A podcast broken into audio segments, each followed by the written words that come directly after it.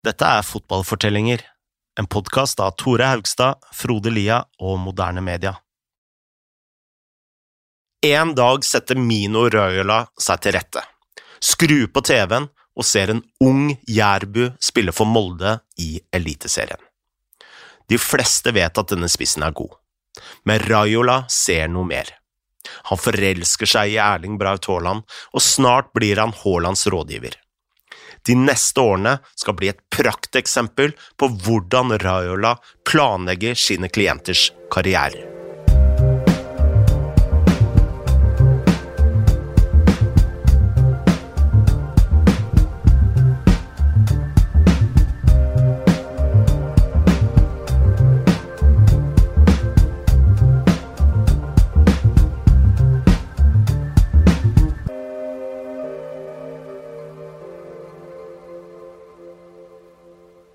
Dette skal bli et lite case study på hvordan Raula gir råd til sine spillere.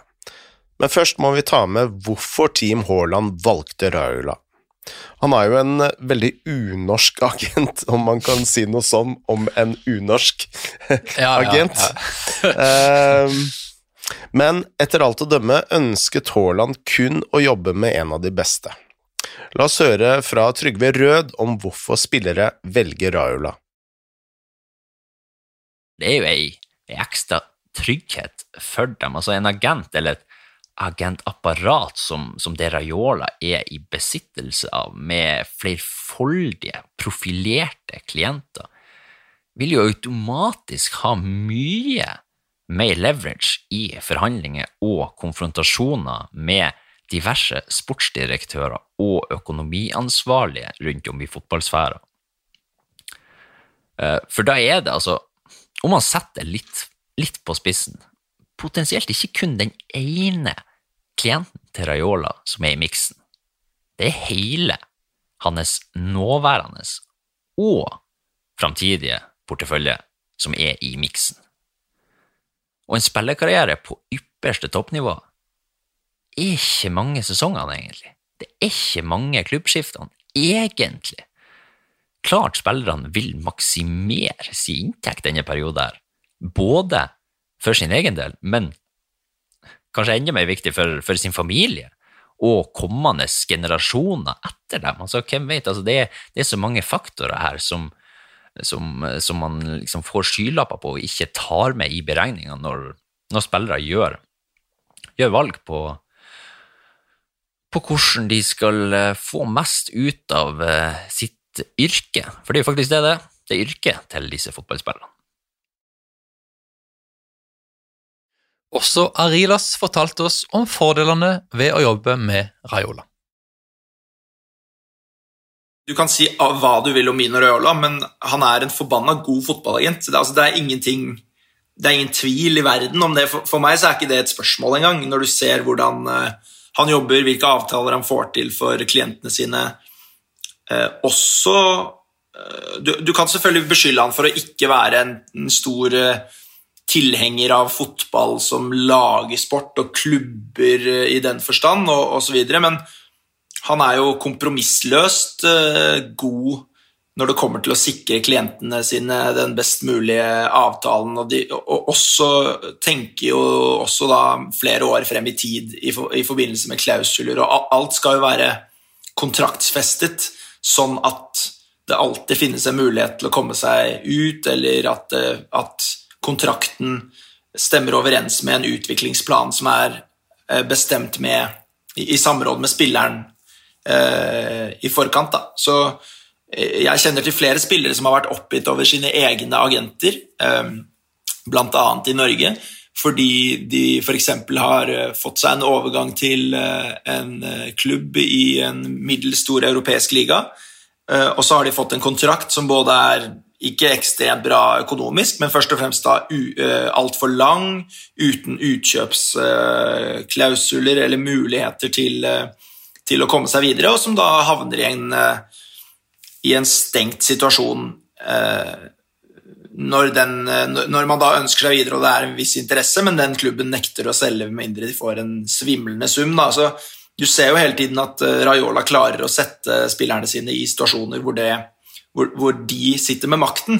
Og ja, det er ikke alle som liker det, spesielt ikke eh, klubbdirektører, sportssjefer, trenere osv., men han gjør jo en jobb for spillerne, og, og der er han jo eh, ekstremt eh, sterk. Da. Så jeg har inntrykk, uten at jeg kjenner detaljene der, av at han derfor må være utrolig detaljbevisst og, eh, og fokusert på, på den type ting. Da.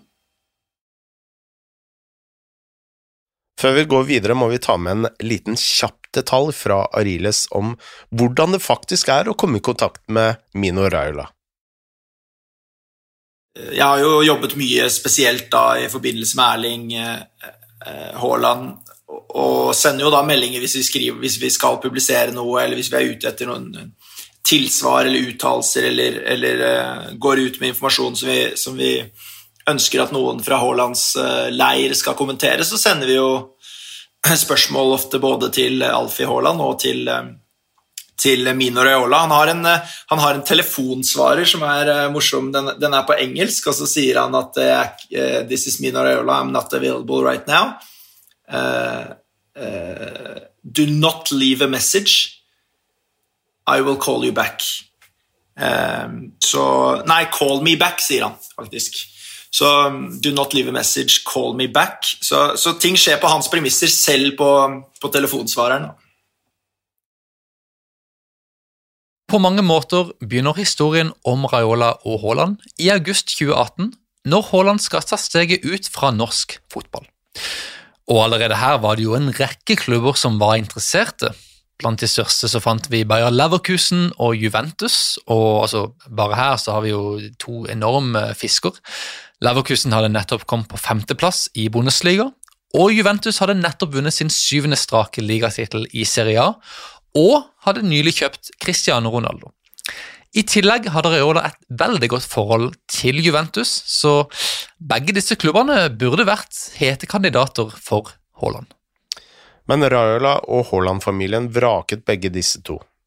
I stedet valgte de RB Salzburg fra Østerrike, som er fra en by som kanskje er mer kjent for å være fødested til Mozart enn å videreutvikle stortalenter. I 2019 var den østerrikske ligaen rangert av Uefa som kun den tolvte beste i Europa. Men Raiola hadde sine grunner til å ta Haaland dit. Salzburg er som kjent eid av Red Bull og ble i praksis født da energidrikken tok over SV Austria Salzburg i 2005. Siden det har han ikke bare blitt Østerrikes beste klubb, han har også blitt en del av et speidernettverk som er blant de beste i verden, hvor målet er å sende stortalenter til Salzburg, videreutvikle de og så enten selge de for formuer til de aller største lagene i Europa, eller å sende de videre til RB Leipzig, som også eies av Red Bull. Så dette var altså en talentfabrikk som Haaland kom til. Raula visste at Salzburg trengte en spiss. Han visste også at laget spilte en intens og offensiv fotball som ville passe Haaland ganske perfekt. Treneren den gangen var Marco Rose, som i likhet med alle trenere i Red Bull-imperiet foretrekker en spillestil hvor klampen er i bånn. I motsetning til Juventus og Leverkosen var Salzburg også et lag hvor Haaland kjapt kunne få fast plass. Men verken han eller Aola hadde hastverk. Haaland ble værende i Molde ut 2018, og så dro han til Salzburg på vinteren. Den siste halvdelen av sesongen gjorde Haaland nesten ingenting. Eh, og Det er veldig rart for en, en karriere som har gått så kjapt fremover. Han spilte kun fem kamper for klubben, skåret ett mål og ble egentlig litt sånn bortglemt. De månedene fokuserte han heller på å slå seg ned i byen, som tross alt var første gang han hadde bodd utenfor det norske Vestlandet. Og da den neste sesongen ble sparka i gang, så var Haaland fullstendig klar, både fysisk og mentalt. Men selv ikke Raiola kan ha forventa at han skulle bli så god så kjapt. Det store gjennombruddet kom i debuten i Champions League, da han skåret hat trick mot Genk. Da overgangsvinduet åpnet i januar, hadde Haaland allerede skåret så mange mål at en ny overgang virket helt unngåelig. Og denne gangen hadde han enda flere muligheter. En åpenbar løsning var å gå videre til Leipzig og bli værende innenfor Red Bull-imperiet. En annen var å dra til Juventus, og en tredje var å velge Manchester United og en gjenforening med Ole Gunnar Solskjær. Men Igjen så sa Haaland nei til de største klubbene, og dro heller til Dortmund. Og det er her Raiola gjorde en genistrek. Han visste at Dortmund ville være det siste steget før Haaland endelig hoppet over til en av de virkelig store gigantene i europeisk fotball. Om alt gikk etter planen, visste han også at Haaland kom til å bli ekstrem attraktiv på markedet. Så i stedet for å forhandle fram en vanlig kontrakt, krevde han en utkjøpsklausul som tredde i kraft sommeren 2022. Ifølge en rekke europeiske medier er denne på 75 millioner euro, altså rundt 750 millioner norske kroner. Dette betydde i praksis at Raiola satte en grense for hvor mye Dortmund kunne tjene på Haaland. Siden 75 millioner euro er billig for en sånn spiller, så kunne Raiola presse opp alle de andre kostnadene, da spesielt lønningene og agenthonorarene. Det var egentlig ingen tapere her, for uh, spillerne og Raiola vil jo få sitt, mens Dortmund i praksis vil få låne en spiller i to og et halvt år, og så selge han videre for profitt. Haaland tok nivået i Bundesliga rimelig greit. Han skåra hat trick på 20 minutter som innbytter i debuten, hamret inn to mål mot PSG i Champions League, og neste sesong skåret han 41 mål på 41 kamper. Snart ble han og Kylian Mbappe omtalt som arvtakerne til Ronaldo Messi. Vi spurte Ariles om hva han syntes om hvordan Raiola har planlagt Haalands karriere så langt. Det har vært veldig imponerende. Det, det, var jo om, eh, det var jo snakk om at da Molde forhandlet med Eller da Salzburg forhandlet med Molde, så var de første utvekslingene eh, med, med Alf Inge Haaland, og så, og så fikk de beskjed om at uh, mailene måtte sendes videre til Raiola. og Da, da skal det visstnok ha gått et lite sukk i, i de østerrikske korridorene. Men man må jo kunne si at karrieren til Erling Braut Haaland har vært perfekt lagt opp til nå. Eh, nøkkelårsakene til det tror jeg jo er eh, for det første at man har prioritert sportslig. Eh, og det viser jo igjen at uh, her har jo ikke Raiola Kanskje fordi han har hatt såpass stor tro på Erling, da, så har jo ikke han prioritert uh, nødvendigvis de største pengene uh, umiddelbart. da Erling dro til Salzburg, så kunne han dratt til Juventus og uten tvil tjent mer penger der. Da han dro til Dortmund, så kunne han dratt til Manchester United og uten tvil tjent mye, mye, mye mer penger der. Eh, så det er det ene. Det har vært et sportslig fokus som har, vært, som har, truffet veldig godt. Og for det andre så har det jo vært disse klausulene som, som han eh, vet å legge inn i kontraktene for å sørge for at utviklingen skjer på spillerens premisser og ikke klubbens premisser. Og det er jo det vi så da Salzburg solgte han til Dortmund, hvor de fikk en fin sum, jeg tror det var 17 millioner pund eller, eller noe i den duren, som er en bra sum, men mye lavere enn Salzburg kunne fått. Men dermed så kunne Erling eh, velge mellom mange ulike klubber som alle hadde råd til å betale den uh, summen.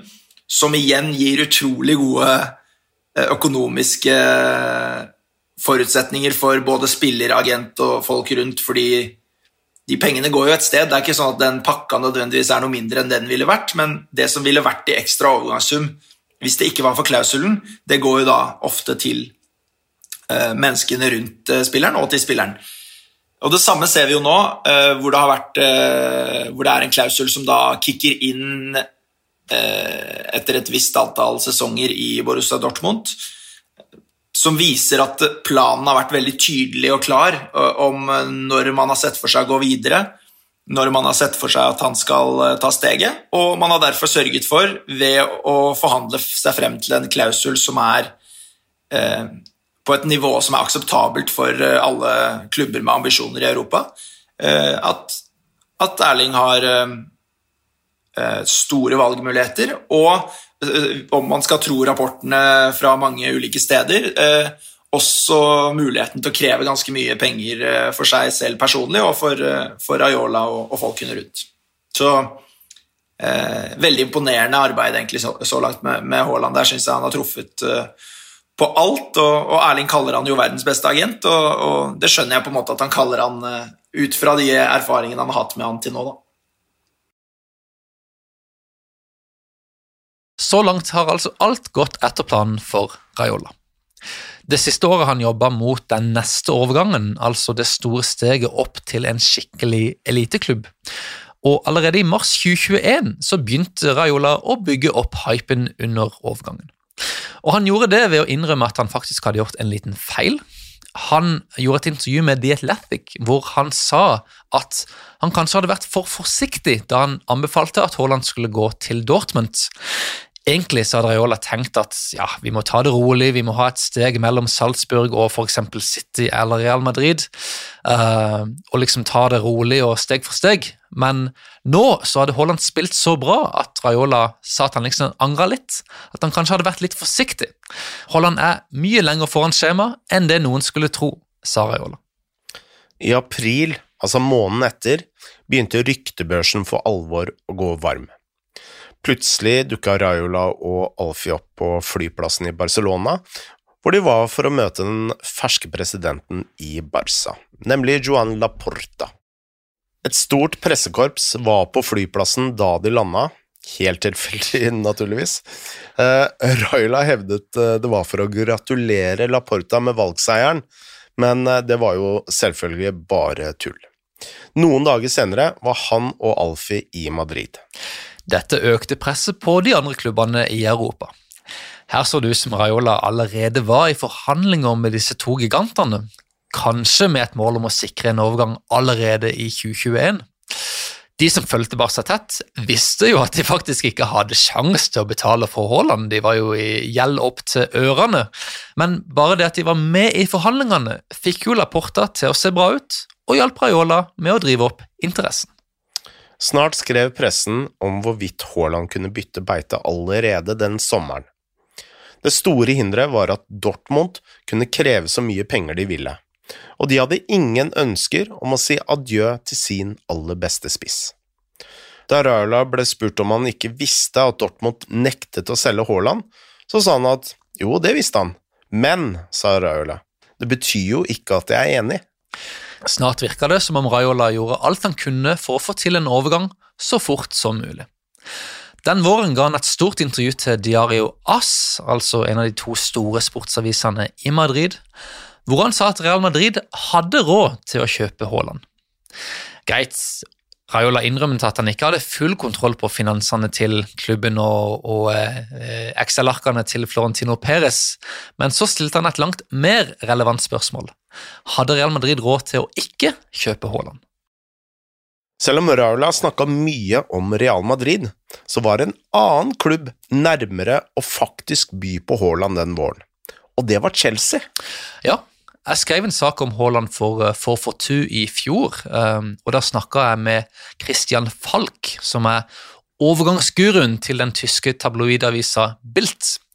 Og han sa at Chelsea faktisk vurderte å by på Haaland fordi de visste at de ikke kom til å få tak i han i 2022, da de ville få konkurranse fra alle de store klubbene i en, en svær budrunde. Roman Abramovic likte Haaland, og Thomas Tuchel var også en stor fan, men til slutt så syntes Chelsea at prisen var for høy. Og det var kanskje ikke så rart. Ifølge kildene til Falk sa Dortmund at så lenge ingen bydde minst 175 millioner euro i tillegg, så kom de ikke engang til å ta telefonen. I tillegg fikk Falk høre at eh, Raiola krevde 50 millioner euro i lønn til Haaland per år, som er rundt 1 million euro i ukeslønn, eller rundt 10 millioner kroner. Er helt hinsides selv i fotballens gale verden. På toppen av dette kom 40 millioner i agenthonorarer. Bare at disse summene sirkulerte i pressen og ble fanga opp av de største klubbene, gjorde at Raiola satte en enorm takhøyde for forhandlingene. Greit, kanskje kom ingen til å betale Haaland 50 millioner i året, men om de landa på kanskje 30 millioner, så var jo dette fortsatt veldig mye. Med andre ord har Raiola brukt pressen aktivt gjennom denne sagaen. La oss høre mer om det fra Arillas. Han eh, kjenner dette spillet ut og inn. Jeg syns ikke han har vært like eh, Jeg ikke han har vært like ekstrem eh, offentlig i forbindelse med Erling som han har vært i forbindelse med Donnarumma eller, eller Pogba. Eller eh, Zlatan eh, foreløpig. Men det er fordi det, eh, det har jo ikke karrieren til Erling krevd. Men han var ganske kompromissløs da Manchester United begynte å lekke sin versjon av hvorfor Erling ikke endte der. At det handlet om agenthonorarer til Raiola, at det handlet om at de ønsket utkjøpsklausuler, og at alt skulle skje på spillerens premisser, og at de ikke ønsket å uh, gi en agent eh, en sånn makt og innflytelse, så var han jo knallhard i, uh, uttalelsene tilbake. Og sånn sett så tror jeg han er fin å ha for spillerne sine, fordi Paul Pogba, for eksempel, det er, det er ingen tvil om at han har ønsket seg bort fra Manchester United egentlig i flere år. Men han har sluppet å si det selv i stor grad, fordi Raiola tar den støyten og, og, og, og gjør det. Og så kan spilleren gjemme seg litt bort bak, eh, bak, at eh, det er Ayola, han er så frittalende, han er en karakter, og han har den innflytelsen han har, og den profilen han har. Men jeg har tross alt ikke sagt noe. Men så vet man at eh, det har en enorm eh, innvirkning, men, men jeg tror det, det, beskytter spillerne hans uh, i stor grad. Da. Så han tar støyten, og han er the bad guy, og så får spillerne gå litt mer øh, fri. Da. Og det, det, tror jeg er en for spillerne veldig positiv konsekvens, for oss mediene en positiv konsekvens fordi det er selvfølgelig underholdende, og, det skaper oppstyr. jeg har selv prøvd å få til et intervju med Raiola. Der er det jo, De fleste agenter er jo, tar jo sånne ting direkte, og man kan spørre om sånne ting direkte. Han har en egen eh, medieansvarlig eh, som tar seg av eh, intervjuforespørsler og sånn knyttet til Raiola. Så vi får håpe jeg får det til. Det er, eh, jeg har veldig lyst til å reise ned til Monaco og sette meg ned i Casa Raiola og snakke om alt det vi snakker om nå. Idet vi spiller inn dette, er det fortsatt ikke kjent hvor Haaland kommer til å dra, men et par ting vet vi allerede. Vi vet at Manchester City og Real Madrid er favorittene. Vi vet at Haaland kommer til å få en helt enorm lønn, og vi vet at uansett hvem som ender opp med å signere spissen, så blir de store vinnerne Haaland og Raiola.